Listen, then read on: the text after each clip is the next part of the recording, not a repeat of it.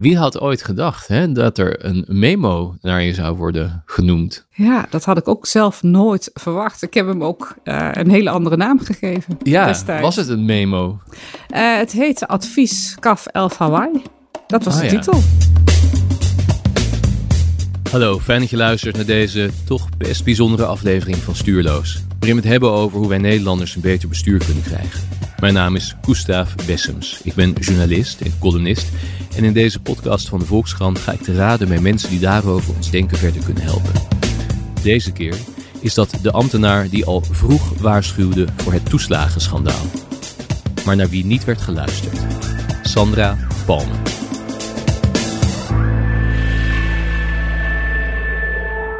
Sandra Palmen was de hoogste juridisch adviseur bij de afdeling toeslagen van de Belastingdienst. De afdeling die vele duizenden gezinnen in de ellende stortte.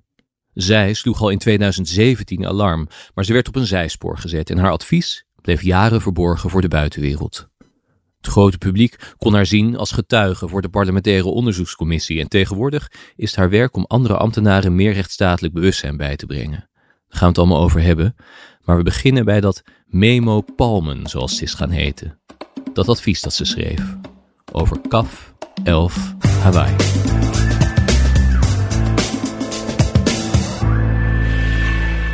Ongeveer geen enkel onderdeel van die naam zal de gemiddelde luisteraar iets zeggen. Nee, nee dat, is, dat is het vreemde ervan. Laten we beginnen met Hawaii. Waarom zat dat in de naam? Omdat uh, de afdeling die uh, deze onderzoeken deed, die uh, wilde daar graag een bepaalde codenaam aan geven, zodat het niet direct herleidbaar was tot ja, bepaalde ondernemers of, of Ja, precies. Want waren fraudeonderzoeken?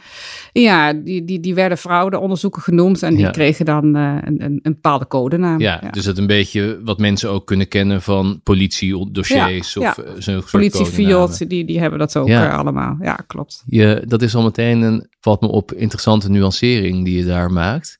Ik zei, het waren fraudeonderzoeken en jij zei, uh, het werden fraudeonderzoeken genoemd. Een kleine correctie. Ja, omdat ze vaak starten als, als fraudeonderzoek. Ja. Gedurende het onderzoek kwamen soms ook weer hele andere feiten aan het licht. Ja. En dan was het in heel veel gevallen en geen, geen fraude meer. Nee, precies. Dus eigenlijk in die betiteling, daar gaan we het allemaal nog over hebben, maar daar, daar kan je al eigenlijk een deel van het probleem een beetje uit, uh, uit opmaken. Ja. En dat KAF? Ja, dus de combinatie uh, aanpak facilitators. Ja, en dat was het team wat dat, die dat was het team, uh, ja, ja, een gespecialiseerd team wat zich met name richtte op het opsporen van facilitators. Ja. We gaan het naar aanleiding van het stuk over, over meer dingen uh, hebben. Maar misschien eerst even toch de basics, zal ik maar zeggen. Uh, dit was in maart 2017, hè, eigenlijk het uh, startpunt. Kun je zeggen, wat belandde er precies op jouw bureau? Nou, het, het startpunt was niet in uh, maart 2017. Okay. Dat was eigenlijk het moment waarop ik het, uh, het, memo schreef. Maar in de aanloop daar naartoe, en dat is denk ik in november 2016 uh, okay. geweest heeft uh, een van de, de, directeuren mij gevraagd mijn advies te geven over uh, een heel lastig dossier. Want wat was jouw functie op dat moment? Ik was uh, vrij recent ingevlogen als de hoogste inhoudelijk adviseur. Ja. dus, ja, de belangrijkste juridische adviseur eigenlijk? Ja, ja, en ik was afkomstig van de Blauwe Belastingdienst. En ja, bij de Blauwe Belastingdienst was bijvoorbeeld die vaktechnische ontwikkeling veel verder. En ik was daar ervaren in. En het was toen de bedoeling dat Belastingdienst toeslagen ook zo'nzelfde vaktechnische structuren ging, ja. ging neerzetten. Want als jij zegt uh, de blauwe belastingdienst. Mensen zullen snappen dat het refereert aan de uh, enveloppen die ze ja. uh, op hun deurmat vinden. Maar dat gaat eigenlijk over het deel van de belastingdienst wat de traditionele belastingtaak ja. uitvoert, namelijk het innen van belasting. En dit, nu was je terechtgekomen bij een andere, nieuwere poot ja, van die dienst. En die ging over, over toeslagen. toeslagen ja, het, het, verdelen van die toeslagen en de controle op uh, de toeslagen. Ja, precies. Want een toeslag is een uh, inkomensafhankelijke voorziening. Uh, die ervoor zorgt dat bepaalde ja, belangrijke waarborgen in mensen hun leven bereikbaar zouden worden. Ja. Dat was eigenlijk dus nog best wel in aanbouw op dat moment. Jij was recent als juridisch adviseur daar komen werken. En je vertelde uh, dat uh, eind 2016 een verzoek kwam. Ja, een van de directeuren, de, het managementteam van de, de directie toeslagen bestond uit een aantal directeuren, onder leiding van een algemeen directeur en een plaatsvervangend algemeen directeur en een aantal gewone directeuren. Ja, dat zijn veel directeuren. Best wel wat, uh, wat directeuren, maar die hadden allemaal hun, hun eigen portefeuille. Ja. En de, de directeur die mij om advies vroeg, had de portefeuille bezwaar, beroep, klachten en, en fraudeonderzoeken. Ja. dus het was bij, uh, bij hem op het bordje gekomen en hij voelde zich niet zo lang bij dit dossier. En wat, wat was er op zijn bordje gekomen? Een, een dossier waarvan hij toch, nou, ja, graag wilde weten van ja, hoe zit het nu echt. Hij had er wat dat betreft geen goed gevoel bij. En daar kwam ook nog bij dat er een, uh, een advocaat uh, ja, de belangen behartigde van een groot aantal ouders in dit geval. En die advocaat was best wel een hardnekkig type. Dus die, die bleef flink bellen en mailen. En dat paarden hebben ook wel wat zorgen. En er was vrij recent een aankondiging geweest dat de ombudsman een onderzoek ging instellen. Ja, en het ging om ouders die toeslag voor de kinderopvang hadden gekregen waarvan de Belastingdienst dan vond dat ze dat onterecht hadden gekregen of te veel hadden gekregen. En wat trof je aan? Ja, wat trof ik aan? Ik kreeg uh, diverse mails. Ik kreeg uh, uh, ook, ook, fysieke dossierstukken. ik kreeg al wat, wat, wat contacten, wat mensen met wie ik gesproken had. Er begon zich al vrij snel een bepaald beeld te vormen. Ik heb ook, ook redelijk in het begin al contact gehad met de betreffende advocaat ja, al vrij snel werd mij duidelijk dat er toch wat zaken niet uh, helemaal goed liepen. Nee. Hoe zou je die uh, kunnen omschrijven? Wat liep er niet goed? Nou, wat ik uh, al, al merkte was dat ook ik niet een volledig beeld kon krijgen. Hè? Dat heel veel informatie versnipperd was binnen toeslagen. Dus dat maakt het altijd best wel complex om, om een oordeel te geven. Maar wat ik bijvoorbeeld vreemd vond, eh, normaal gesproken als er een signaal was dat er iets met een boekhouding zou zijn van een ondernemer, dan werd eh, eh de, de Belastingdienst, en dan heb ik het over de blauwe Belastingdienst, ingezet om daadwerkelijk dat boekenonderzoek te doen. Ja. Dat was in dit geval ook gebeurd. Daaruit werd geconcludeerd van nou, dit is, dit is uh, ja, er zijn wat onregelmatigheden geweest in deze boekhouding. Maar. Het was de boekhouding van een gastouderbureau. Ja, van een gastouderbureau. Maar daar was zeker geen sprake van fraude. Hm. Ja, er is ook nooit een, een, uh, in deze zaak een, een, een, strafrechtelijke vervolging ingezet of iets dergelijks. Nou ja, en een boekhoudkundig onderzoek, ja, dat is eigenlijk iets heel normaals. Dat uh, gebeurt ja. natuurlijk dagelijks bij heel veel ondernemers. Zonder dat het fraude is of iets dergelijks. Ja, dat, precies. Uh, dus, dus er was bij dat gastouderbureau niet heel veel opmerkelijks te bespeuren. Maar wat vond je wel opmerkelijk? Nou, wat ik dan nog steeds opmerkelijk vond, was dat het, uh, ja, dit dossier nog, nog steeds geënt was op die fraude. Ja, ja. De aanpak was toen ook van, nou, om, om zo'n facilitator te, te, ja, te gaan pakken, zeg maar, uh, tot uh, stop te brengen, gaan we ons richten op de klanten. De ouders. En dat zijn de ouders. Ja. dus deze ouders. Want bij één zo'n ja, daar maken natuurlijk meerdere ouders gebruik van. Ja. En dat was dus begonnen als fraudezaak. Er was eigenlijk bij het boekenonderzoek ja, wel onregelmatigheden, maar geen fraude aangetroffen. En toch was dat onderzoek eigenlijk verder gegaan. En dat had consequenties gehad voor ouders. Die ouders die werden gedurende een lopend jaar uh, geconfronteerd met de stopzetting. Ah. Dat begint al uh, dat, dat mensen bijvoorbeeld hun boodschappen wilden afrekenen uh, bij de supermarkt. En in één keer bij de kassa zagen van onvoldoende saldo. Ja, geld waar ze op rekenden kwam gewoon ineens niet binnen. Kwam er in één keer niet. Ja. Hè? Dus dat, uh, dat is natuurlijk heel, heel confronterend. En zeker bij deze doelgroep. Dit, uh, dit zijn mensen die uh, een behoorlijk hoog bedrag aan toeslagen kregen per maand. En als dat er in één keer niet meer is, ja, dan ja. raak je per direct een financiële nood. Ze kregen een hoog bedrag, omdat ze waarschijnlijk niet zulke hoge inkomens hadden. Nou, precies. Het is een inkomensafhankelijke ja. ondersteuning. Hè? Dus hoe uh, lager jouw inkomen, hoe meer recht je had op. dus het waren mensen die het niet konden missen. En ineens kwam het niet meer op hun rekening. Ja. Ja, ja. Zonder dat er fraude was vastgesteld. Nou ja, mensen wisten vaak ook helemaal niet waarom het in één keer stop was gezet. Nee. Mensen ontvingen een brief van uw toeslag is stopgezet. En uh, u wordt verzocht uw uh, bewijsstukken aan te leveren. Was het eigenlijk een soort omgekeerde bewijslast? Uh, dus bewijs maar opnieuw dat je het eigenlijk wel mag hebben? Nou, ik kan me voorstellen dat het uh, in ieder geval wel zo ervaren is. Hè? Van, ja. We gaan uit van, uh, van dat u fraude heeft gepleegd en bewijs maar dat u geen, geen fraudeur bent. Ja, dat is natuurlijk vreselijk. De rechtbank had zich hier al een keer over uitgesproken op dat moment, toch? Ja, rond in, in die tijd, uh, dat klopt. Ook uh, een aantal rechterlijke uitspraken die, uh, ja, die betreffende burgers in het gelijk stelden. Ja, dus dat was al slecht uitgepakt voor de Belastingdienst. Ja, sommige uitspraken wel. ja. ja. Maar tot, tot dan toe uh, had nog steeds de hogere rechterlijke instantie, de Raad van State in dit geval, geoordeeld dat, uh, nou ja, dat uh, de, de beschikking toch bevestigd kon worden. Hè? Dus ja. in die zin. Dus de Belastingdienst ging steeds in hoger beroep. Dus die rechtbank die gaf soms die ouders wel gelijk. Ging de Belastingdienst ging in hoger beroep. Nou, als je een, een in Nederland als burger een conflict hebt met de overheid, dan is de hoogste bestuursrechter waar je terechtkomt, dat is de Raad van State.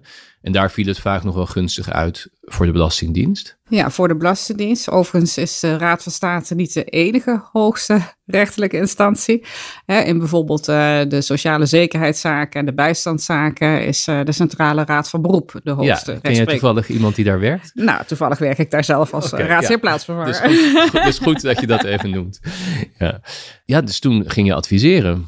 Ja. En wat was het advies? Mijn advies was: uh, geef deze ouders gelijk en ga hen compenseren. Ja. En dat kan met een vaststellingsovereenkomst. Dus ik had ook nog een oplossing aangeboden. En dat was in dit geval wel ook nog met steun van de Raad van State. Hè? Want er, er kwam hier een uitspraak bij waarbij eigenlijk die ouders in het gelijkgesteld bleven. Ja, dit was eigenlijk uh, de eerste uitspraak van de, de, Raad van State, die echt ging over een, een, stopzetting gedurende een lopend toeslagjaar. Waarbij de Raad ook zei van ja, op het moment dat jij gedurende een lopend toeslagjaar een, een toeslag stopzet, dan is het ook logisch dat mensen in betalingsmoeilijkheden komen. en dat je dan um, ja, misschien niet helemaal volledig kunt voldoen aan je verplichtingen, ja. is daar ook weer een gevolg van. Dus je zou kunnen zeggen, nou niet zo far so good, want dat wat er met die ouders is gebeurd, uh, is dat natuurlijk helemaal niet. Maar deel van het proces waar jij tot nu toe bij betrokken bent geweest. Nou, een directeur zit ermee in zijn maag, vraagt aan de hoogste juridisch adviseur: wat vind je ervan? Uh, je verzamelt informatie, hebt een inschatting, wordt eigenlijk gesterkt door uitspraken van de rechter tot aan de hoogste rechter toe. Dus je geeft een advies wat er moet gebeuren met een oplossing. Um, ja. Nou, we gaan zo even verder over hoe het daarna gaat. Maar ik wil ook eventjes weten wie je was tot aan uh, dit advies. Uh, je werkte al lang bij de Belastingdienst, toch? Ja, ik werkte uh, al vanaf 1997 bij de Belastingdienst en bij het ministerie van Financiën. Ik heb allerlei functies gedaan binnen zowel het ministerie als binnen de uitvoerende organisatieonderdelen. Dus wat dat betreft wel heel veel gezien en gedaan. Ja, ja. En was wat je hier deed, dat advies schrijven, was dat iets heel bijzonders voor je? Nee, dat was uh, niet bijzonder, want dat was natuurlijk jarenlang mijn werk geweest. Ik was ook uh, lang uh, vakgroepcoördinator en, en landelijk vakgroepcoördinator geweest bij de Blauwe Belastingdienst. En ik had ook heel veel ervaring opgedaan met het schrijven van beleidsbesluiten en het beoordelen van de verzoeken om toepassing hardheidsclausule. Ja, het woord hardheidsclausule komt in deze podcast best vaak langs. En toch ben ik altijd even bang dat er wat luiken dicht gaan met mensen. wat is, wat is als de term valt. uh, dus uh, ook aan jou weer even de vraag, wat is het? Nou, wat is het? Het is een, uh, een, een, bepaling in de wet die eigenlijk aangeeft van als er, en dan praat ik even heel juridisch, een onbillijkheid is van overwegende aard. En in normaal Nederlands betekent dat van, stel er gebeurt iets wat de wetgever niet had voorzien, wat zou die besloten hebben wanneer die dat op dat moment wel zou hebben geweten? Ja, precies. Want zo'n wet wordt uh, gemaakt, dat kan niet anders dan altijd behoorlijk algemeen zijn. Hè? Natuurlijk kun je specifieke bepalingen in een wet opnemen, maar het kan nooit voor elk geval helemaal van tevoren uitgedacht zijn. Er is een toelichting op de wet met hoe die bedoeld is. En jij was dus eigenlijk gespecialiseerd in het kijken naar situaties waarin je je moest afvragen hey, hoe dat in dit geval uitpakt past dat nog wel bij hoe die ooit was uh, bedoeld? Of is dat, of Precies, past dat, of, of, of dat te hard of te onredelijk uh, of buiten verhouding? Uh... Ja, of, of is deze uitkomst, is dat iets wat voorzienbaar was toen het, de wet werd geschreven? Ja. Hè? Want dan zou het een bewuste keuze zijn geweest van de wetgever. Maar wat ik heel vaak zag, was dat er situaties waren ja, die, die gewoon nooit op het netvlies zijn geweest. Nee. En was dat werk wat je altijd ergens eenzaam op een kamertje deed bij de Belastingdienst? Of ging dat ook in contact met de mensen die het betrof? Nee, dit, uh, dit betreft dan een afdeling die uh, gevestigd is op het uh, departement. Hè, dus een onderdeel van het ministerie van Financiën.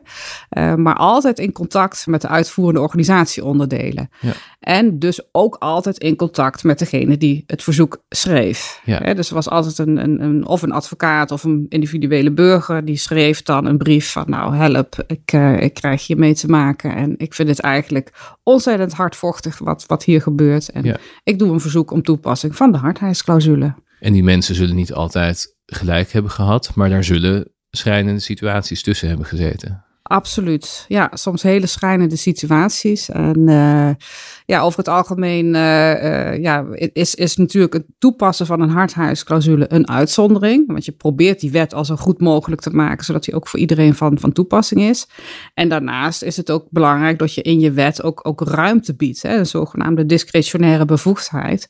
Waardoor de uitvoerder, hè, bijvoorbeeld de belastinginspecteur, ook een stukje ruimte in die wet ervaart. Om, om ja, toch te kijken naar de effecten van de maatregel. Ja. Maar soms dan uh, is de wet uh, op een bepaalde manier geredigeerd. En dan kun je op basis van de, van de letterlijke tekst van de wet, kun je niet uit de voeten. En dan is het heel fijn dat er in ieder geval zo'n hardheidsclausule is. Ja, dus je was eigenlijk best gewend aan het fenomeen dat overheidsbeleid, eh, wetgeving, ja, onbedoeld hardvochtig kon uitpakken. En ook gewend aan het zoeken naar oplossingen daarvoor. Nou, ik was ook heel erg gespecialiseerd in met name de algemene beginselen van behoorlijk bestuur. dus uh, bijvoorbeeld het evenredigheidsbeginsel, het gelijkheidsbeginsel, het vertrouwensbeginsel.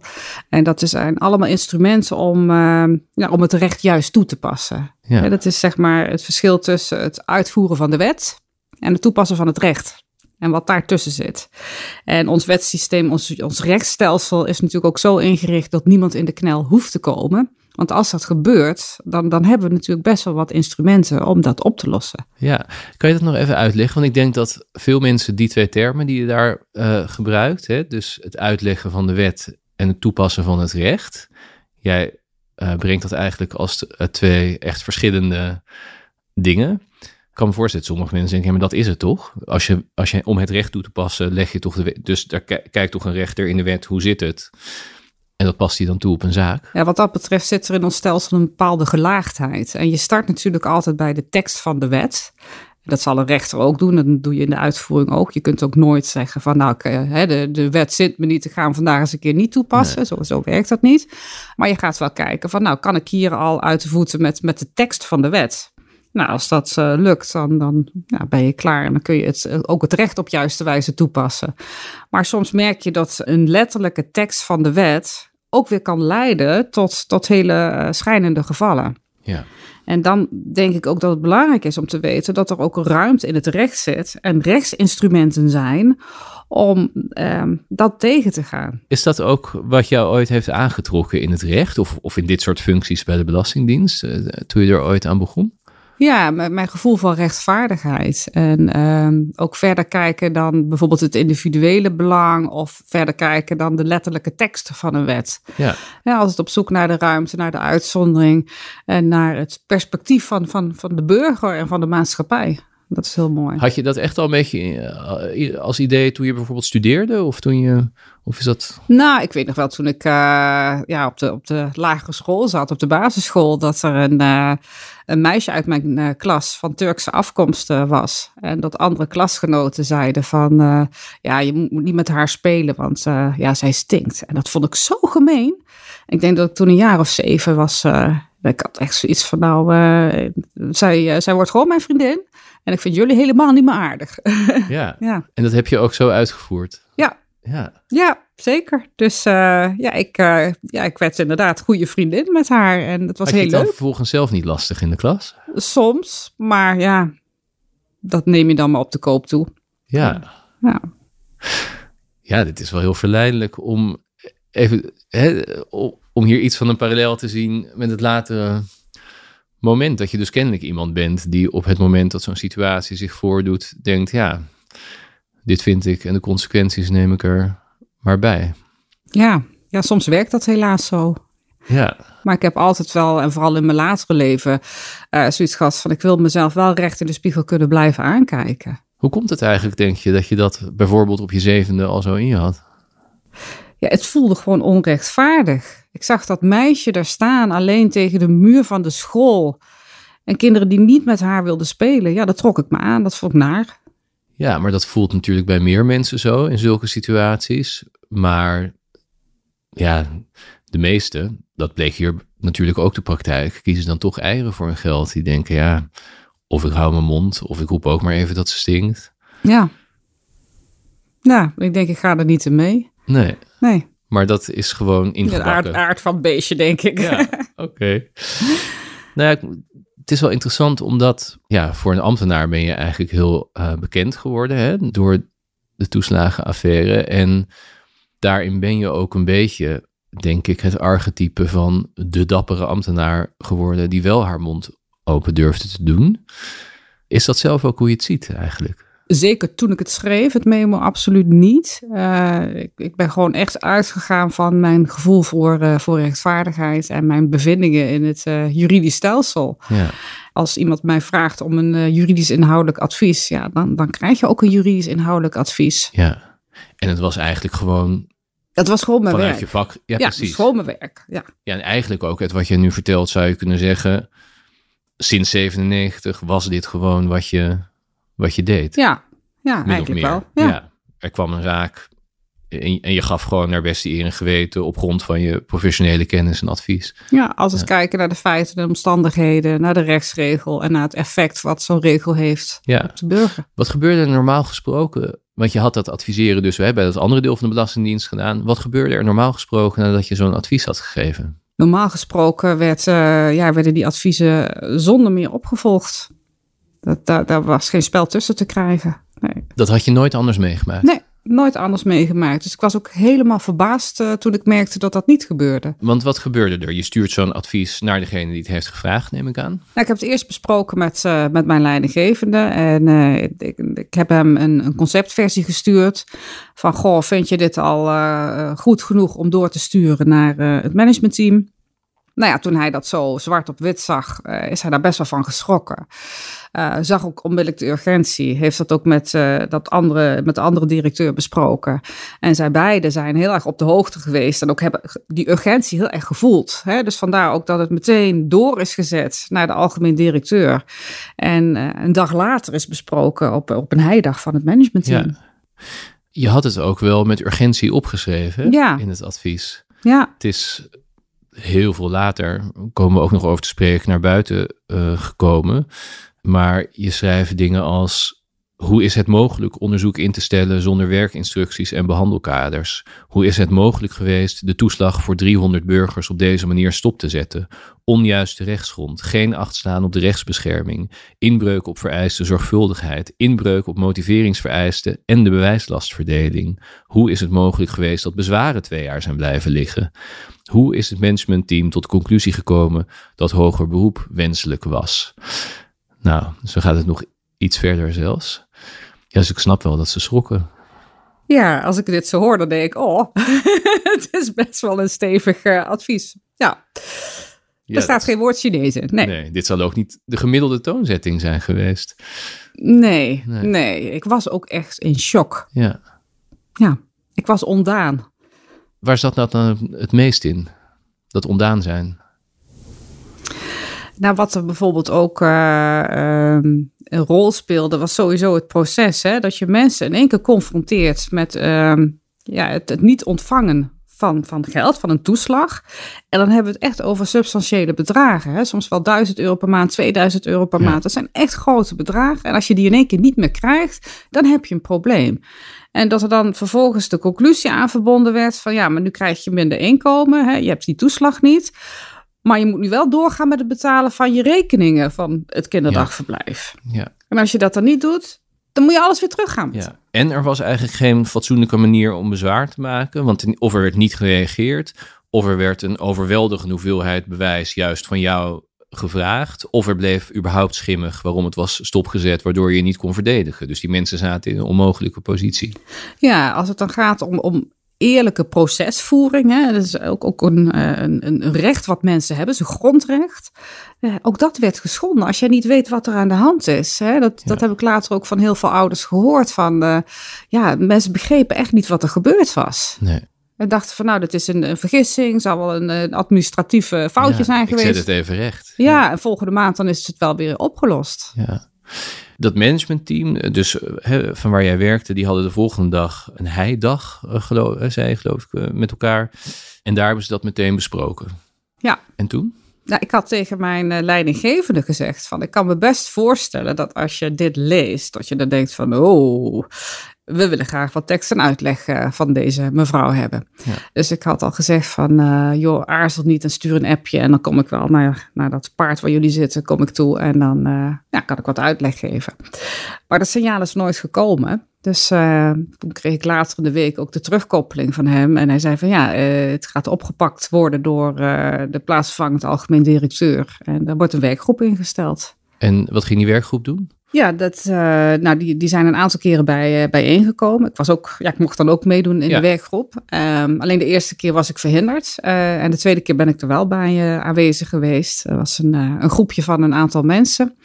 Nou ja, al vrij snel werd duidelijk dat er voor gekozen werd om gewoon alles door te procederen om toch verder te gaan met het opvragen van bewijsstukken. En, maar wat moest dat groepje precies doen? Was dat een groepje wat in die specifieke zaken een oplossing moest zoeken? Of werd het beleid geëvalueerd in brede zin? Wat, wat, wat, moest daar Nou, er moest vooral gekeken worden van uh, in, in hoeverre moet er inderdaad een, een koerswijziging plaatsvinden. In al die verschillende zaken die Ja, dat het was natuurlijk, uh, dit, dit was CAF 11 Hawaii, maar er waren natuurlijk meer CAF-zaken. Hè? En ja.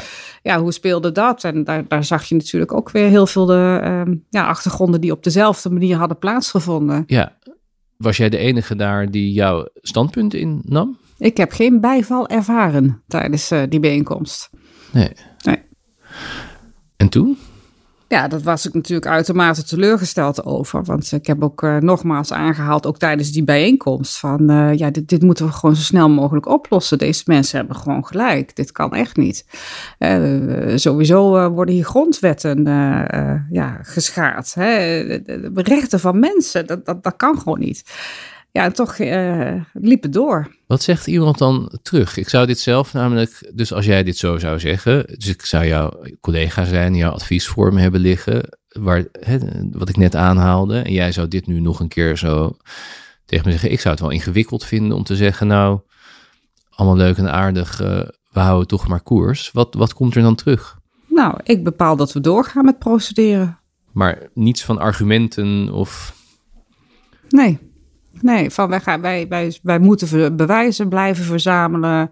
We moeten het uitprocederen, want we hebben altijd gelijk gehad van de Raad van State.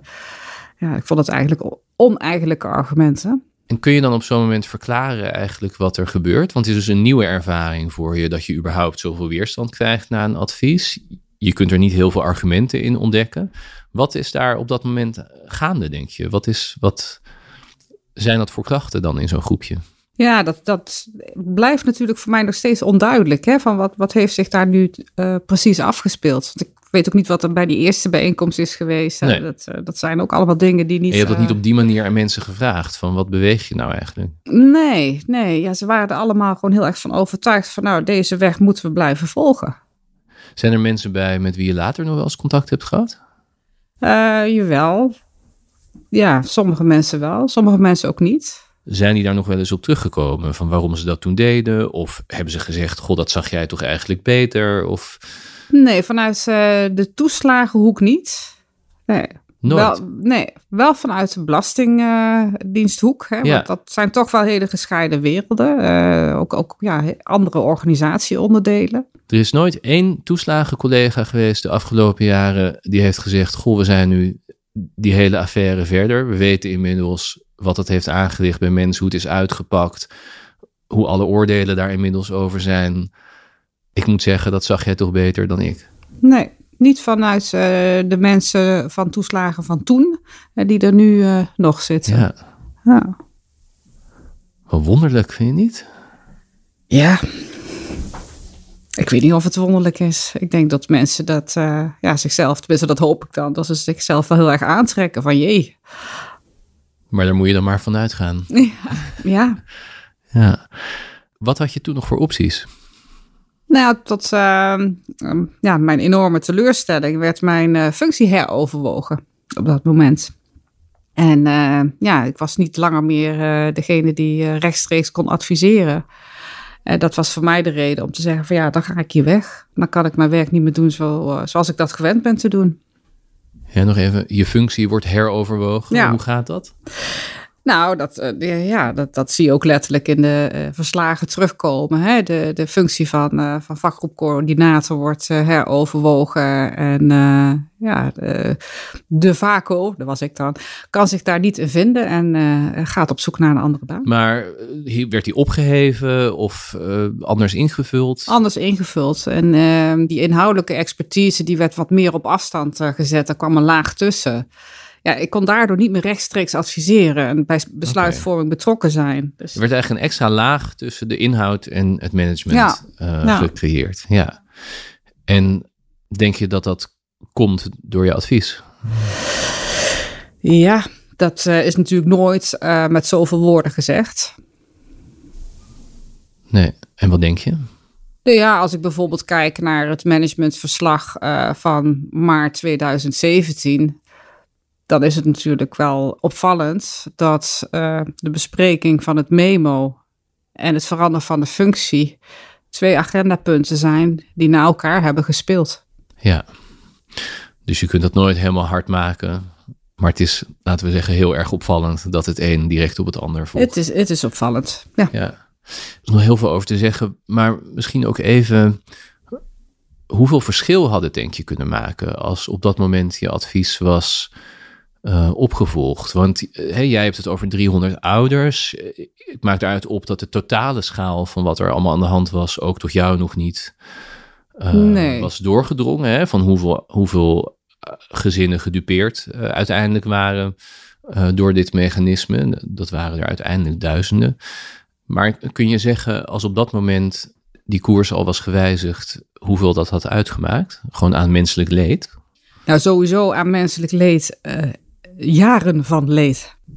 Ja. want we zijn nu, uh, dat memo is natuurlijk uit 2017. En uh, de parlementaire enquête is uh, eind 2020 geweest. Dus dan, dan zit je sowieso alweer een aantal jaren later.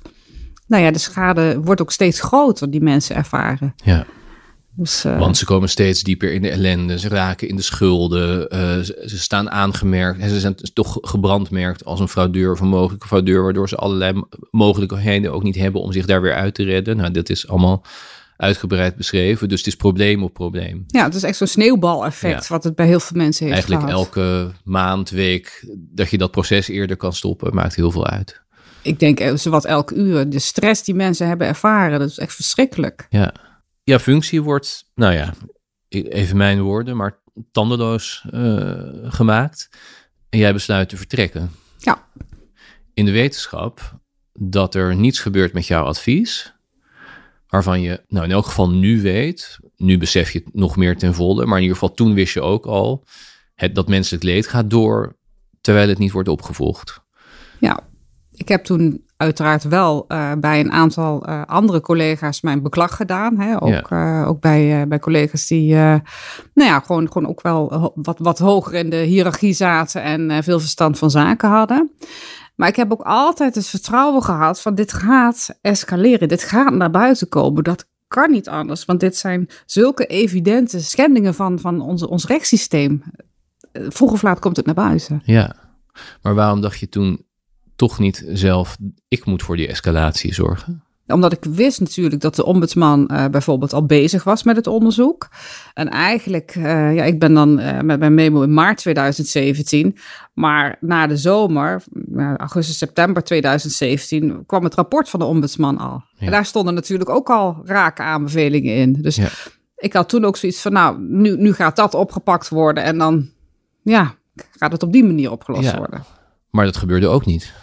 Nee, dus steeds, steeds um, lijkt het wel alsof, het, ehm, alsof die grenzen steeds uh, verschoven worden. Steeds denk je van, ja, maar nu gaat het opgepakt worden. Maar jij hebt destijds nooit met iemand buiten je naaste collega's en je meerdere erover gesproken? Nee. Ook niet bijvoorbeeld met de ombudsman of met een Kamerlid of met een journalist? Nee, toen, uh, toen niet.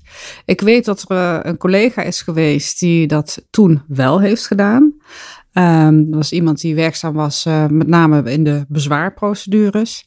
Nou, deze persoon heeft het echt ontzettend moeilijk gehad. En wat heeft die persoon gedaan? Die, uh, die heeft contact gehad met, uh, ja, volgens mij met, met media en met, ja. met, met Kamerleden. Het heeft er niet toe bijgedragen dat het probleem sneller op tafel kwam.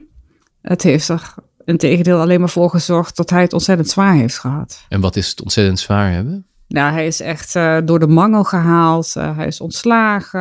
Uh, het vuur is hem aan de schenen gelegd. En pas uh, ja, vele jaren later ja, is, is er eerherstel geweest. En dat had jij gezien al? Nee, dat, dat, dat, dat wist ik niet. Maar ik, okay. ik, ik hoorde dat wel, wel gronzen. Dus ik wist ook wel van... Het helpt niet om het probleem sneller naar voren te krijgen. Ja. Je wil natuurlijk dat, dat uh, het probleem wordt opgelost, dat die burgers geholpen worden, dat die ouders in ieder geval recht wordt gedaan. En steeds is er een instantie uh, die ermee bezig is. Vreesde je dat dit jou ook zou overkomen als je buiten de organisatie met iemand zou spreken? Dan zou het risico natuurlijk heel groot zijn geweest dat je zelf het probleem zou zijn geworden. En dan lost het probleem van die ouders ja. nog niet op. Ja, nou ja, dat, nee, ja, dat is... Nee, nee dat want dat was is, bij die collega ook gebeurd. Ja, dat, dat heb je later gezien. Ja, ja. ja. ja. Maar ik kan me eerlijk gezegd ook gewoon best voorstellen dat... Nou ja, er is je ook iets overkomen, want je functie werd uitgehold.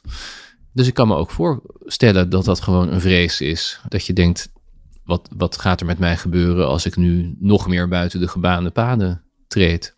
Ja, ja, wat ik al zei, je, je weet als je dat doet, dat dat niet bijdraagt aan het naar voren brengen van de problematiek. Maar, maar je verschuift ja. de focus naar een ambtenaar. Maar was je niet ook gewoon bang? Nee, nee, nee. Ik was er gewoon van overtuigd dat het uh, uh, niet lang meer zou duren. En dan zou het toch wel naar voren komen. Wat ben je daarna gaan doen eigenlijk voor werk? Ik ben weer uh, verder gegaan met mijnzelfde uh vakgebied. Dus ik uh, ben me weer heel erg gaan richten op die algemene beginselen van behoorlijk bestuur. Heb heel veel gedaan weer voor de Blauwe Belastingdienst. ja, dus dat, dat, ja. dat formele recht. En, en Gewoon je vak weer opgepakt en in een omgeving ja, ja. waarin dat wel normaal werkte, wel gewaardeerd werd, wel tot iets leidde. Ja. Um, en in de tussentijd kan ik me zo voorstellen, komt natuurlijk gaandeweg steeds meer in het nieuws. Ja, klopt. Uh, over het toeslagenschandaal. Uh, ja. Steeds weer een nieuw feit. Steeds wordt de, de schaal wordt nog weer duidelijker. De ernst wordt nog weer duidelijker. Dat volgde je, denk ik. Ja, ik volgde het niet heel intensief. Maar ja, op een gegeven moment ontkom je daar natuurlijk ook niet aan. Hè. Nee. Het, het, het, het, kwam steeds meer in de media, steeds meer in de kranten, steeds meer op journaal uh, uitzendingen. ja, mensen gingen het ook bespreken, hè, ook bij de koffieautomaat. Dus vooral de collega's van de blauwe dienst, die hadden echt zoiets van... jee, wat is er toch bij toeslagen allemaal gebeurd? Ja. Ja, en daar hebben mensen ook best wel moeite mee, hoor. Dat, ze, ja, dat zij, uh, ja, de collega's van de blauwe belastingdienst zeggen van... ja, wij worden daar ook vaak op aangekeken. Ja. Um, maar dit is helemaal niet onze werkwijze geweest. En zeiden ze dan wel eens bij de koffieautomaat van... hé, hey, jij hebt daartoe gewerkt. Uh, ja, nou, hoe zit dat? Ja, ja. Wat zei je dan? Ik zei, nou, ik zeg, uh, zo'n uh, hele andere wereld. Een hele andere ja. wereld dan hier. En je dacht, je weet nog niet de helft. Ja, dit komt nog wel. Ja. Er komt steeds meer naar buiten over, over die toeslagenaffaire. Ook heel veel stukken. Omdat de Tweede Kamer om stukken vraagt omdat journalisten al dan niet met een uh, destijds WOP-procedure om stukken vragen en daar verhalen over schrijven.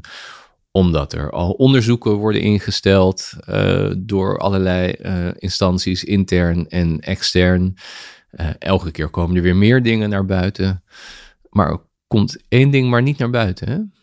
Ja, dat klopt. Jouw advies? Ja, ja. ja, wat ik al zei, uh, steeds gebeurde er iets waarvan ik dacht van nou, nu gaat het in volle omvang naar voren komen. En dan zal ook wel op een gegeven moment, ja, dan kan niet anders dan bij die stukken mijn, uh, mijn memo zitten.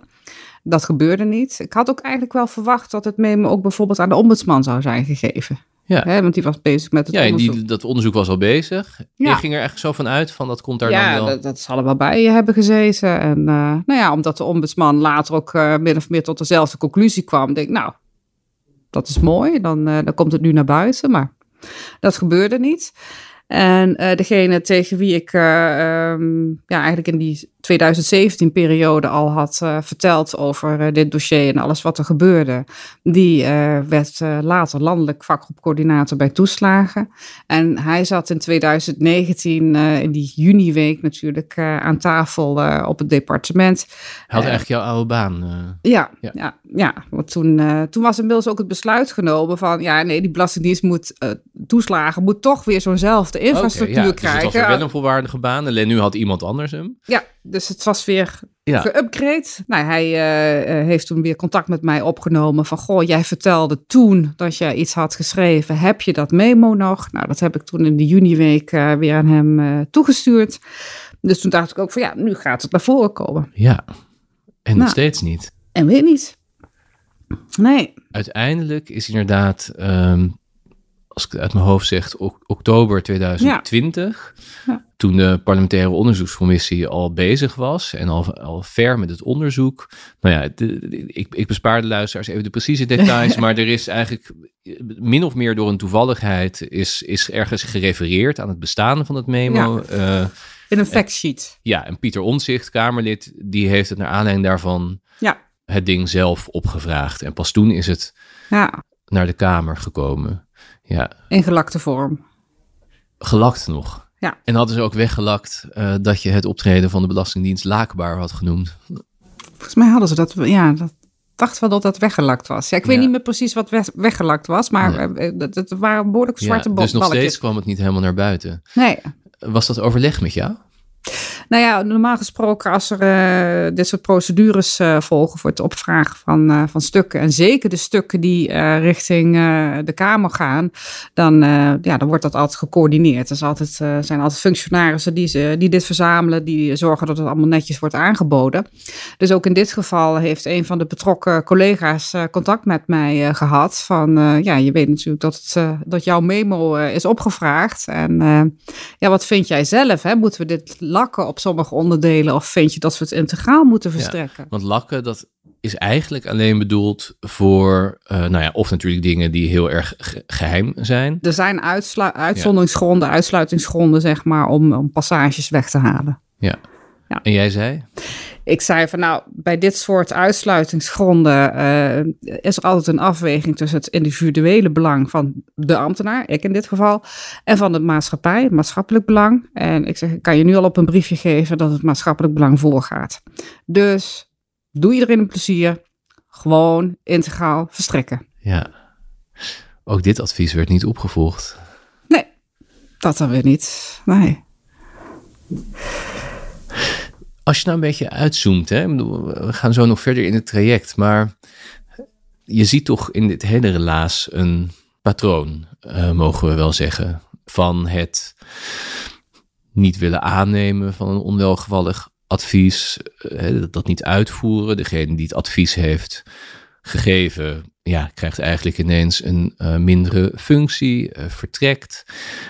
Daarna, nou ja, hoe het precies zit, is nog steeds moeilijk te zeggen. Maar op onverklaarbare wijze eh, wordt dat advies steeds niet mee naar buiten gebracht. Met alle andere stukken die wel naar buiten komen. Dan wordt notabene het, de raad van de betrokken ambtenaar, hè, die dan zogenaamd kwetsbaar zou zijn bij het naar buiten brengen. Die ambtenaar zelf, jij namelijk zegt, breng dat helemaal naar buiten vanwege het maatschappelijk belang, gebeurt weer niet. Als je uitzoomt, wat, waar kijken we hier nou naar? Wat zien we hier? Ja, wat we hier zien, ehm, dat hebben we bijvoorbeeld vorige week ook gezien, dat er nog steeds andere belangen een rol spelen. En, en die afweging dan niet zozeer uitkomt op het eh, rechtsstatelijk handelen van de overheid. Dus, dus de rechten van mensen, die Ja. worden niet altijd eh, ja, beschermd. Je zegt, we hebben dat pas ook gezien. Waar hebben we dat bij gezien? Nou, bijvoorbeeld bij, uh, bij de IND, hè, dat ze nareis uh, ja. En ook dat was tegen het advies van, van ja, belangrijke adviseurs in. En ook tegen de grondrechten in. Ja, dus dat de overheid eigenlijk expres de termijnen maximaal oprekt voor gezinsleden van met een, mensen met een asielstatus hier. Die, mogen, die, die hebben recht op gezinshereniging. De overheid recht dat zo lang mogelijk, omdat zij willen dat er minder mensen komen, omdat de opvang overbelast is. Tegen alle adviezen in. En, en tegen de grondrechten in. Ja, ja, En afgestraft door de ja. rechterlijke macht ook uiteindelijk. Ja. ja, dus je ziet een patroon van niet rechtsstatelijk handelen. Dat is wat ja, je zegt. Nou ja, helaas zie je dat toch nog op sommige punten naar voren komen. En uh, ja, dat vind ik heel zorgelijk. Maar wat zit er in, dit, in deze geschiedenis achter dat niet rechtsstatelijk handelen? Wat, wat motiveert dat? Er zijn de laatste tijd natuurlijk, uh, en dat is best bijzonder, af en toe ambtenaren die treden ook in de publiciteit en die zeggen van ja, uh, de politieke druk op de ambtenarij, die is eigenlijk te groot geworden. Die zorgt dat ja, dat die ambtenaren worden eigenlijk niet meer gebruikt om hun expertise en hun onafhankelijk advies eh, te geven. Juist ook een beetje als, als noodzakelijk tegenwicht soms aan allerlei politieke wensen. Maar die moeten naar die politiek gaan staan. Denk je dat dat in jouw geschiedenis, zoals je die vertelt, ook zo is? Het, het zal ongetwijfeld een rol hebben gespeeld. Hè? En uh, maar ik vind ook dat wij als ambtenaren ook een belangrijke uh, taak te vervullen hebben. Juist om uh, midden in die maatschappij te staan en in het algemeen belang te werken. Hè? En ook in dat perspectief van, van de burger te acteren en ja, dat belang voorop te stellen. Je werkt voor de maatschappij. Ja, en wat is daar de consequentie van? Ja, dat, dat recht, het recht van, van ja, met name de meest fundamentele rechten, voorgaat op, op uh, andere afwegingen. Ja, wat zeg, wat zeg je daarmee eigenlijk over die ambtenaren met die klachten? Want die wijten het dus erg aan de druk van buitenaf. Hè? Dus ook mijn beroepsgroep wordt daarin meegenomen. De media die creëren bepaalde druk. Vanuit de Kamer zijn er allerlei wensen. Er zijn dingen die politici voor een achterban, hè, die daar beter bij vallen, slechter bij vallen, kiezers kosten, kiezers opleveren. Nou, het zijn natuurlijk eigenlijk allemaal hele bekende fenomenen, maar zij zeggen meer dan voorheen uh, komt die druk ook op ambtenaren terecht.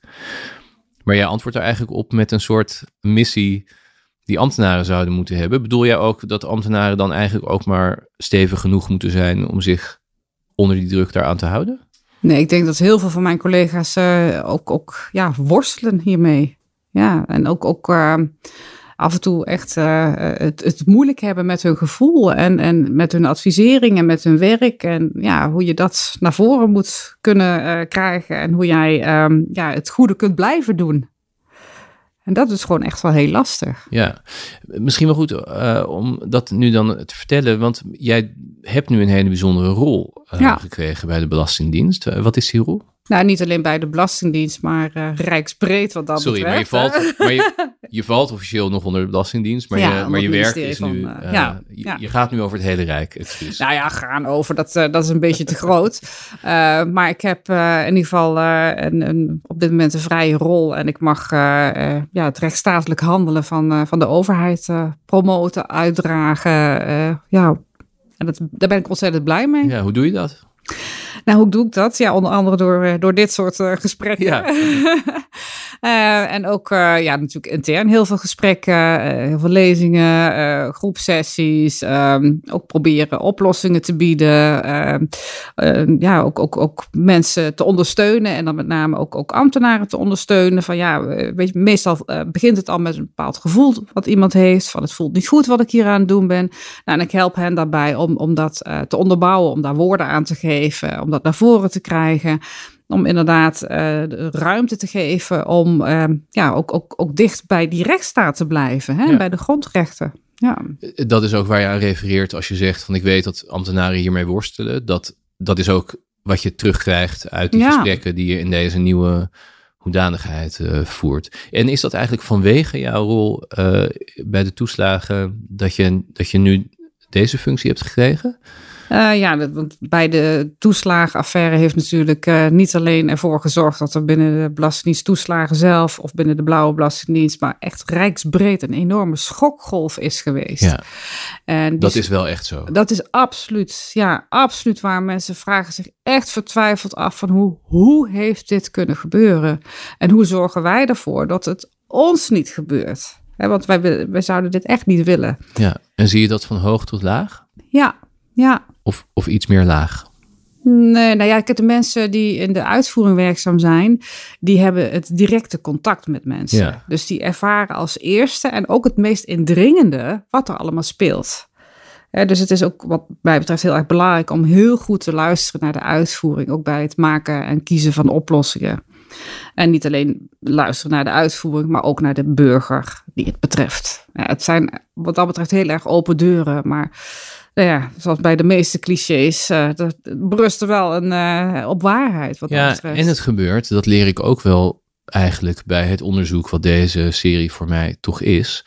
Het gebeurt ook wel echt minder dan je zou verwachten. Dus ik had eigenlijk ook meer gedacht van, nou ja, dat is een soort cliché. Hè? Van natuurlijk is er veel contact met de burgers voor wie dat beleid wordt gemaakt. Natuurlijk hoor je veel uh, van de mensen die het uitvoeren.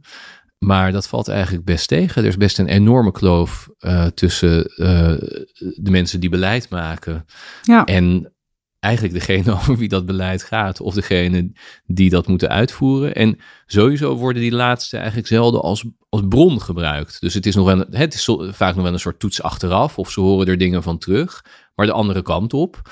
Dus dat je eigenlijk gaat kijken bij de, ja, de mensen voor wie je bezig bent, wat daar nodig is, en dan het beleid maakt. Dat is helemaal niet zo'n gebruikelijke beweging. Nee, en dat zou natuurlijk steeds uh, beter geborgd moeten worden. Ja dat zijn wel de mensen die, die echt ervaring hebben in, in de ja, betreffende onderwerpen. En jij zegt, als je daar dus met ambtenaren over hebt, het begint vaak bij hen met een gevoel en je helpt ze om er woorden aan te geven en het te onderbouwen. Ja, ja. Wat is het waardoor dat ze niet vanzelf al lukt? Omdat mensen vaak ehm, niet weten dat juist het recht zoveel argumenten bevat en zoveel ruimte heeft om dat gevoel te onderbouwen en ook um, afdwingbaar te laten zijn. want over het algemeen um, zal een bepaald gevoel wat iemand heeft ook weer een, een, een basis vinden in grondrechten. Is er dus eigenlijk in het openbaar stuur gewoon te weinig kennis van grondrechten, van het recht, van die principes van behoorlijk bestuur waar jij het steeds over hebt. Ja, ik denk dat daar uh, nog heel veel winst te behalen valt. Juist om, om, om uh, mensen te leren en kennis te laten maken met de ruimte die het recht biedt. Um, maar ook uh, bestuurlijke tools die er zijn. maar allemaal gebaseerd op die grondrechten en op het beschermen van rechten van, van de burgers. Hè. Dus het versterken van de positie van de burger. En tegelijkertijd het inperken van de bevoegdheid van de overheid. Ja, waar jij als ambtenaar eigenlijk als ik jou zo beluister, een soort middenpositie uh, tussen inneemt. Je, je werkt weliswaar voor die overheid, maar je moet net zoveel aan de kant van de burger zitten als van, laten we zeggen, de politieke bovengestelden die hebben bedacht wat er moet gebeuren. Ja, ik denk dat je als ambtenaar heel goed moet realiseren dat je inderdaad voor die maatschappij werkt. En dat je ook die democratische en rechtsstatelijke uitgangspunten steeds borgt. Hè? Dat dat ook steeds jouw, eh, jouw, jouw kompas is om, uh, om te handelen. En denk je dat het ooit anders is geweest in dat openbaar bestuur? Je werkt er al een poosje, dus dat die kennis van rechtsstaat, behoorlijk bestuur, dat die ooit beter is geweest, wijder verspreid? Nou, ik, ik denk dat het heel erg afhankelijk is van uh, nou ja, wet en regelgeving van die betreffende organisatie. Mhm. Wat ik bijvoorbeeld bij de Blauwe Belastingdienst weet, is dat de meeste fiscalisten uh, best wel bekend zijn met die algemene beginselen van behoorlijk bestuur. Hè, dat is bij de, in de fiscaliteit natuurlijk al vanaf de jaren tachtig van de vorige eeuw iets, iets uh, geweest wat, wat omarmd werd, wat ehm, nou ja, ook ja. opgenomen is uiteindelijk. Zit een beetje in DNA daar. Daar zit het in de DNA. Dat, dat is gewoon heel normaal om dat toe te passen. En ook die algemene beginselen, die zijn ook weer opgenomen in de wet. Die staan bijna allemaal in, in de algemene wet bestuursrecht. Ja, maar ik weet niet of ik er nou te makkelijk over doe. Maar het klinkt ook wel als dingen die je gewoon wanneer je als ambtenaar gaat werken, ja, vanzelf toch een beetje in geïnteresseerd zou moeten zijn of je eigen zou moeten hebben gemaakt. Nogmaals, ik wil het niet flauw over doen, maar het zijn ook wel een beetje dingen die voor zich spreken, toch? Nou ja, soms zijn dingen zo voor de hand liggend dat je er overheen stapt. En ik denk dat dat misschien ook met die rechtsstatelijke uitgangspunten het geval is. Maar je ziet nu bijvoorbeeld dat uh, de Amsteed uh, ook wordt aangepast. Hè? Ook, ook uh, met de nadruk op je, je positie binnen de maatschappij. Ja. ja, maar dat vind ik bijna ook iets potsierlijks hebben. Dat ik denk, ja, ja. dat is toch logisch? Ja, maar zo logisch blijkt het dan niet te zijn. Ja, of zit er iets in die cultuur, in wat er wordt beloond dan wel afgestraft, hè, wat jij ook al hebt beschreven, waarbij het gewoon ja, veel meer loont om er geen punt van te maken, om in de pas te lopen. misschien kan je best bedenken dat iets niet rechtsstatelijk is, maar uh, heb je geen trek erin om je mond open te doen en te merken wat er dan gebeurt met je loopbaan of met, tussen je collega's. Ja, het zou best uh, zo zijn dat sommige mensen zo uh, redeneren. En, maar, maar ja. is het reëel? De, ik bedoel, is die ruimte er? Die ruimte die, die komt er steeds meer, want niemand wil een dergelijke affaire hebben. Oké. Dus eigenlijk ook bijna vanuit een opportunistisch idee van bij leidinggevende van ik wil dit niet hè, eh, aan mij hebben kleven. Alleen al om die reden komt die ruimte er. Ja, en ik kan me ook voorstellen dat ook, uh, um, ja, ook meer diversiteit gaat komen binnen bijvoorbeeld de, bestuursdiensten. dat ook uh, alle topambtenaren, dat dat uh, niet meer allemaal dezelfde persoonlijkheden zijn, maar dat er ook, ook veel meer diversiteit in gaat komen. Veel meer mensen met een andere achtergrond en andere expertises. En ook een, een stukje rechtsstatelijke kennis en, en de ruimte in het recht beheersen en om dat goed te kunnen toepassen. Ja. Dus ook aan de top moet die, gewoon eigenlijk die kennis van de rechtsstaat steviger zijn. Dat ja, moet veel meer de reflex zijn als er dingen langskomen. Ja, ik, ik denk dat dat heel belangrijk is. En natuurlijk snap ik goed dat het besturen van een organisatie ook weer een vak apart is. Ja. Maar als je iets moet besturen waarvan je eh, qua inhoud zelf weinig kennis hebt, is dat ontzettend lastig. En dan kun je natuurlijk best terugvallen op, uh, op goede adviezen. Maar op het moment dat jij niet precies weet of een advies wel juist is, of wanneer jij zelf niet kunt inschatten of je überhaupt nu om advies moet vragen, ja, dan wordt het wel ontzettend ingewikkeld. En, en dan helpt het om in ieder geval uh, ja, de verschillende disciplines aan tafel te hebben. Ja. ja, maar het begint toch ook met een soort bazaal idee van: hé, hey, ik zie hier iets gebeuren bij burgers. Dat kan gewoon eigenlijk haast niet de bedoeling zijn. Dat is onrechtvaardig. Ja, voor zover je dat natuurlijk zichtbaar hebt. Ja. want we hebben natuurlijk ook te maken, vooral in de uitvoering, met heel veel opgeknipte processen. dat sommige uh, mensen uh, bezig zijn met het versturen van brieven en steeds BSN-nummers moeten wijzigen, maar verder geen, geen beeld hebben van wat er allemaal achter zit. Ja, tegen die uh, mensen kun je natuurlijk ook niet zomaar zeggen van jij moet weten wat er allemaal gebeurt. Nee, voor die mensen zijn het letterlijk nummers. Nummers. En, en, ja, wat er achter schuil gaat, dat weet je op dat moment niet. Nee. Er hangt nog een grote vraag boven de markt over het memo, het advies.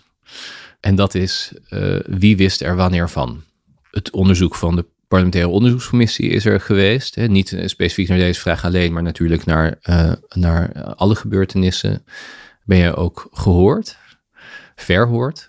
Hoe vond je dat eigenlijk? Toen ik uh, mijn getuigenis voor de parlementaire enquête. Ja. Want het was best bijzonder. Er kwamen vooral mensen met uh, uh, nog hogere rangen ja. langs. En toen, ja, toen jouw advies naar buiten kwam, toen hebben ze volgens mij een, speciaal een extra verhoordag ingelast om jou ook langs te laten komen. Dat, ja, hoe gaat dat? Dan krijg je ineens een. Ja, de uitnodiging is vriendelijk uitgedrukt, want je bent verplicht om te gaan. Maar ja. je krijgt een uitnodiging. Ja, nou, op het moment dat er een parlementaire enquête uh, wordt ingesteld, dan, dan weet het betreffende ministerie ook dat dat natuurlijk gaat gebeuren. Hè? Dus dan ja. wordt er ook een, uh, ja, een, een, een, team op ingericht. En die zorgen ervoor dat de uh, ja, getuigen op tijd worden uitgenodigd, dat er contact met de griffie is, dat stukken op de juiste manier heen en weer gaan. Dus van een van de directeuren kreeg ik inderdaad het belletje van, nou, ik ben belast met de parlementaire ondervraging kinderopvangtoeslag. Nou, er is een verzoek binnengekomen. Ja, ja dat, uh, dat is natuurlijk best wel uh, schrikken.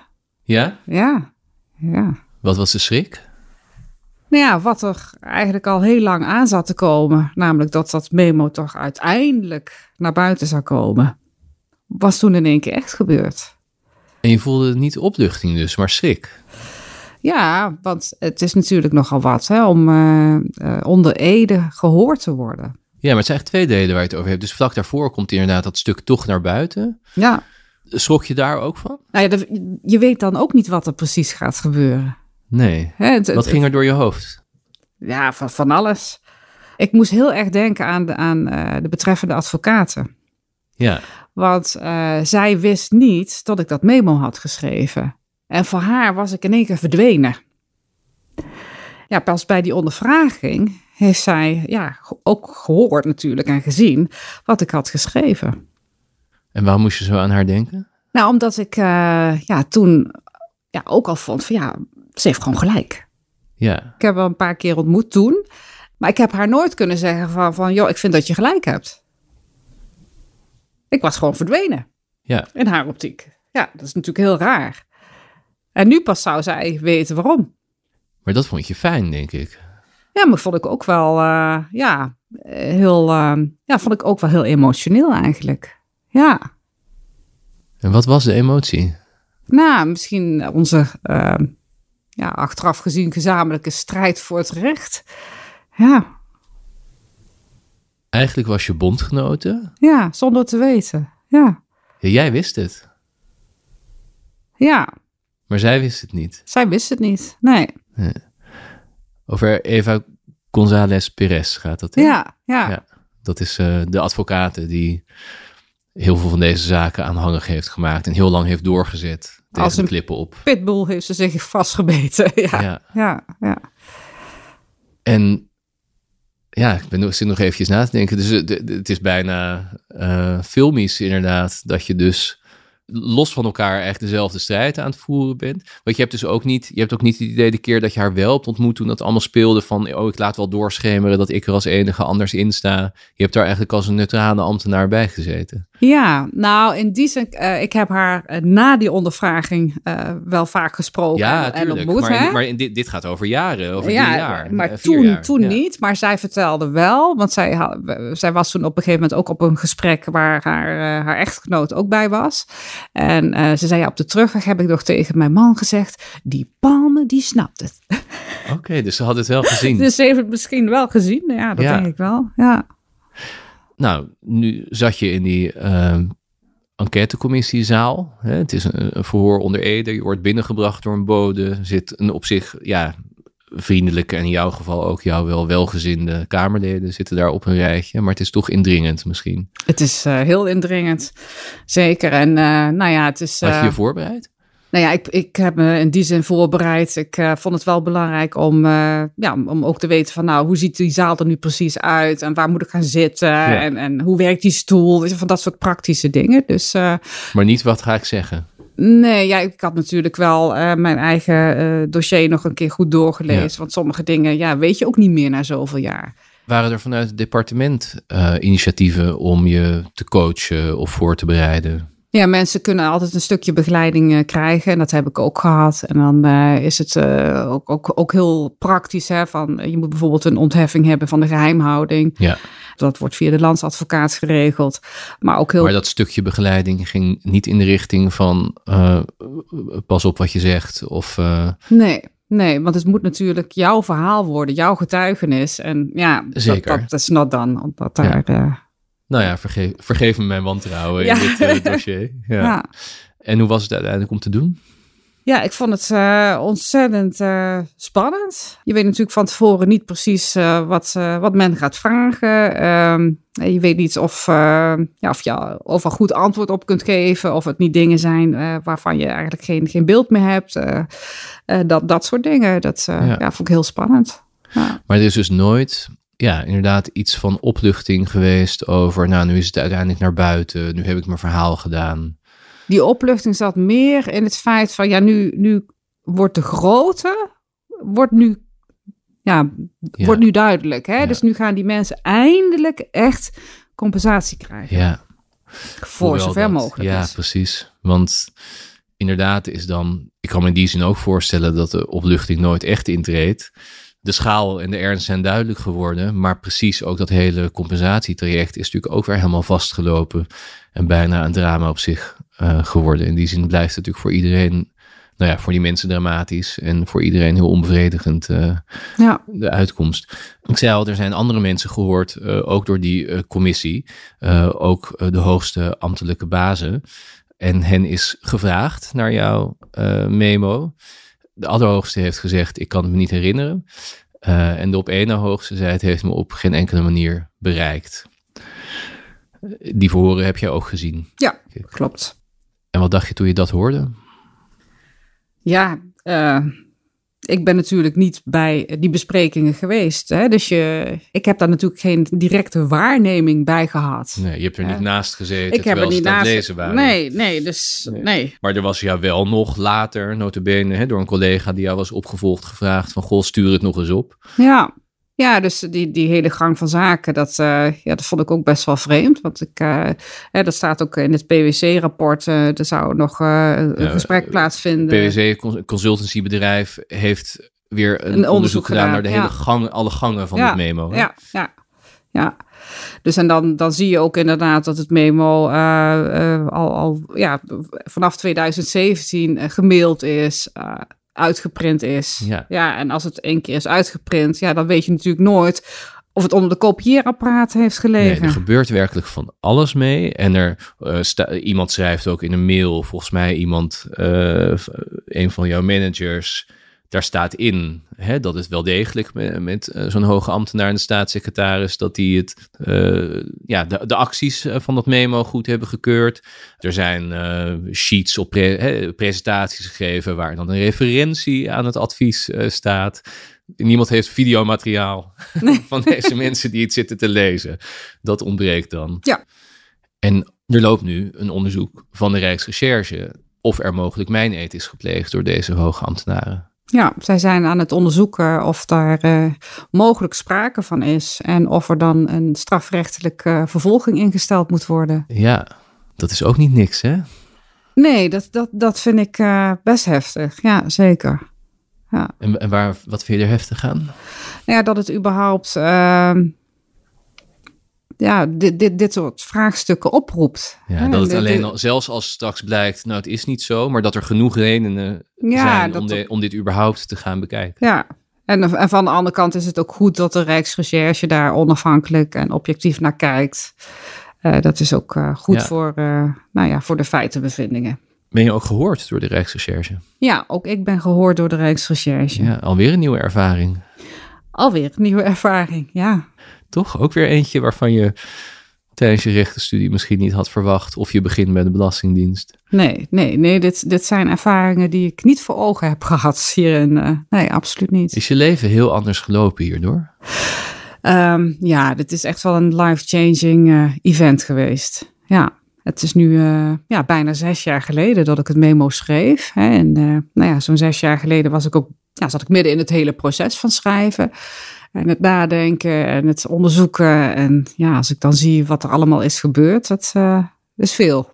Ja. ja, is het wel te verwerken? Ja, nou ja, ik, uh, ik probeer me gewoon vast te houden aan de rechtsstaat en uh, mijn gevoel voor rechtvaardigheid. En ik ben ontzettend blij als ik uh, inderdaad dat rechtsstatelijke gedachtegoed kan uitdragen en, en nou ja, rijksbreed daarmee bezig kan zijn. En dat is gewoon heel mooi. Ja, dat is het goede wat eruit voort is uh, gekomen. Ja, ja. Dus je hebt er in die zin persoonlijk nu niet last meer van?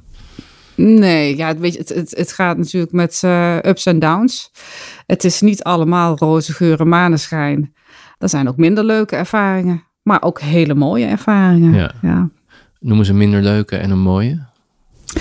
Uh, ik heb wel eens meegemaakt dat uh, ja, mensen soms ook wel wat, wat ongemak ervaren hè, bij jou als persoon. Van, van oh jee, daar gaat ze weer zo memo schrijven. Ah, je bent ineens een beetje gevaarlijk. Een soort uh, nou, bom die kan afgaan. nou, dat, zo, zo, wil ik mezelf niet zien. Maar, nee, maar dat is het effect maar, van wat gaat ze doen. Dat, dat zou best kunnen. Dat dat ja. toch bij sommige mensen in het achterhoofd een rol speelt. Dat voel je dan? Ja, soms voel je dat, ja. Ja, dat maakt een beetje alleenig op zo'n moment misschien. Ja, maar ik denk ook, ehm, ik heb later ook wel gesprekken gevoerd met mensen die ook getuigen waren in, in, uh, in de parlementaire enquête. En dan merk je toch dat het een gedeelde ervaring is. Ja. En dat het ook een unieke ervaring is. Ja. En, uh, ja. en wat is het mooiste, de mooiste ervaring? Um, nou, de mooiste, ja, eigenlijk, een, een, een, tweetal hele mooie ervaringen. Uh, in de eerste plaats ben ik uh, vlak na mijn parlementaire ondervraging ook benaderd door de rechterlijke macht. Of ik wilde ehm, nadenken om de procedure in te gaan voor, voor plaatsvervanger. En nou, dat, dat vind ik ontzettend mooi. Ik ben die procedure ingegaan en ja, ik vind het ontzettend mooi werk om te doen. Ja, want dat doe je nu ook. Ja, dat doe ik Ja. nu ook. Hè. Dus, Dus, jouw eh, dus eh, een groot deel van de tijd ben je bezig de rechtsstaat eh, in, in alle Ja. vormen en manieren maar onder de aandacht te brengen en mensen daarin te trainen eigenlijk, rijksambtenaren. Ja. En het andere deel van de tijd ben je rechter. ja, ben ik einsrechter en bij de Centrale Raad van Beroep. Ja. En mag ik me buigen om, over de bijstandszaken. Ja, Ja. heel Wat zijn mooi. dat voor zaken? Dat zijn ook ehm, ja, hele intrigerende zaken die daar spelen. Want je hebt ook weer te maken met een hele kwetsbare doelgroep. Mensen die in de bijstand zitten. Ehm, ja, daar gebeurt natuurlijk ook heel veel. Ja, En, eh, Dus dat ja. pas je goed. En je zei een tweede mooie ervaring. Ja, de tweede mooie ervaring was dat eigenlijk volgens mij een dag na, na mijn ondervraging eh, werd ik benaderd door, eh, door Alex Brennickmeijer. En eh, ja, dat, De eh, voormalig nationaal ombudsman, Ja, in- eh, niet Ja. lang geleden overleden. ja, precies. En ja, ik, ik had echt zoiets van, jee, de Alex Brennickmeijer neemt Ja. contact op met mij. Oh, wauw. En ja, heel veel mooie gesprekken. was een vrij legendarische ombudsman die in zijn tijd door velen werd gezien als te fel, te heftig, hè, de- maar waarvan eigenlijk met terugwerkende kracht wordt daar anders tegen aangekeken, Ja, omdat hij ja. eigenlijk een heleboel van de fenomenen en processen waar wij het nu ook over hebben, benoemde. Precies. Hij heeft altijd dat perspectief, dat burgerperspectief ehm, in zich gehad. Ja, En eh, hij heeft zelf ook altijd eh, gedacht van, ook, ook, ja, ik moet mezelf ook in de spiegel kunnen blijven aankijken. En, en doe ik het goede? En ehm, juist ook die overheid moet zorgen voor een feedbackloop en, en daar lering uittrekken. En, en dus heel veel van eh, de dingen die ik vond van mijn rechtvaardigheidsgevoel, had hij ook. ja. En hij belde je een dag na je... Ja, toen, Verhoor. toen, toen, ja, toen eh, mailde hij eerst en Ja. ja. daarna heel veel gesprekken gevoerd, samen stukken geschreven. ja, wij konden uren met elkaar kletsen wat dat betreft. eh, ja, was heel mooi. Ja. En ik begreep eh, dat je die nieuwe baan nu als plaatsvervanger rechter in zijn toga Ja, recht spreekt. ja dat is eh, ja, iets waar ik ontzettend dankbaar voor ben. Alex was in het verleden natuurlijk ook eh, vicepresident geweest van de Centrale Raad van Beroep. Ook raadsheer geweest bij de Centrale Raad van Beroep. En in zijn latere jaren ook plaatsvervanger. Nou, toen op enig moment waren we aan het eten en toen zei hij van, eh, ja, ik ben nu eh 70 jaar geworden. Ik heb de wettelijke ontslagleeftijd eh, bereikt. Ik moet eigenlijk nu mijn toga aan de wilgen gaan hangen. En ik had hem natuurlijk ook steeds meegenomen het verhaal van, nou, ik heb nu dit gesprek gehad en eh, nou, ik ga dit doen en dat. En nou, dat vond hij allemaal heel erg mooi. Nou, toen zei hij van, goh, ik zou het hartstikke eervol vinden wanneer jij mijn toga gaat dragen. En toen zei ik, ja, maar ik vind het juist zo'n eer wanneer ik jouw toga mag dragen. En dat er een heel klein beetje van jouw wijsheid neerdaalt op mijn schouders. Zo voelt het. Ja, Ja. Ja, het is eh, natuurlijk ook kort geleden dat hij is overleden. Dus dit. eh, ja, ja ik vind het echt, eh, echt vreselijk. Ik kan nog zoveel mooie gesprekken met hem willen voeren. Nog zoveel ja, van hem kunnen hebt hem leren. eigenlijk op het nippertje leren kennen. Ja, Ja. veel te laat. Ja. Ja. Is het geen hele grote toga? ja, ik moest die toga inderdaad nog een beetje laten aanpassen. Dat zei hij ook. Hij zei, dat is een herentoga. Eh, hij zei, maar je kunt hem best wel naar een damesmaat laten aanpassen. En dat heb ik ook laten doen. Hè. Je hebt zo'n speciale eh, toga kleermaker. En die had ik ook op het hart gedrukt van wat er ook gebeurt. Je blijft van de naam van Alex af. Ja, dus, eh, dus die zit erop. die zit er nog keurig eh, ingeborduurd. Ja. Veel dank voor dit gesprek. Jij ook heel veel dank. Dankjewel voor het luisteren naar Stuurloos, een podcast van de Volkskrant. De gast was Sandra Palme. Als je het nou de moeite waard vond, zou ik het heel erg waarderen wanneer je deze podcast bij anderen onder de aandacht wil brengen. Stuurloos maakte ik met Rinky Bartels, Eva van Leeuwen en Corien van Duin. Tot gauw.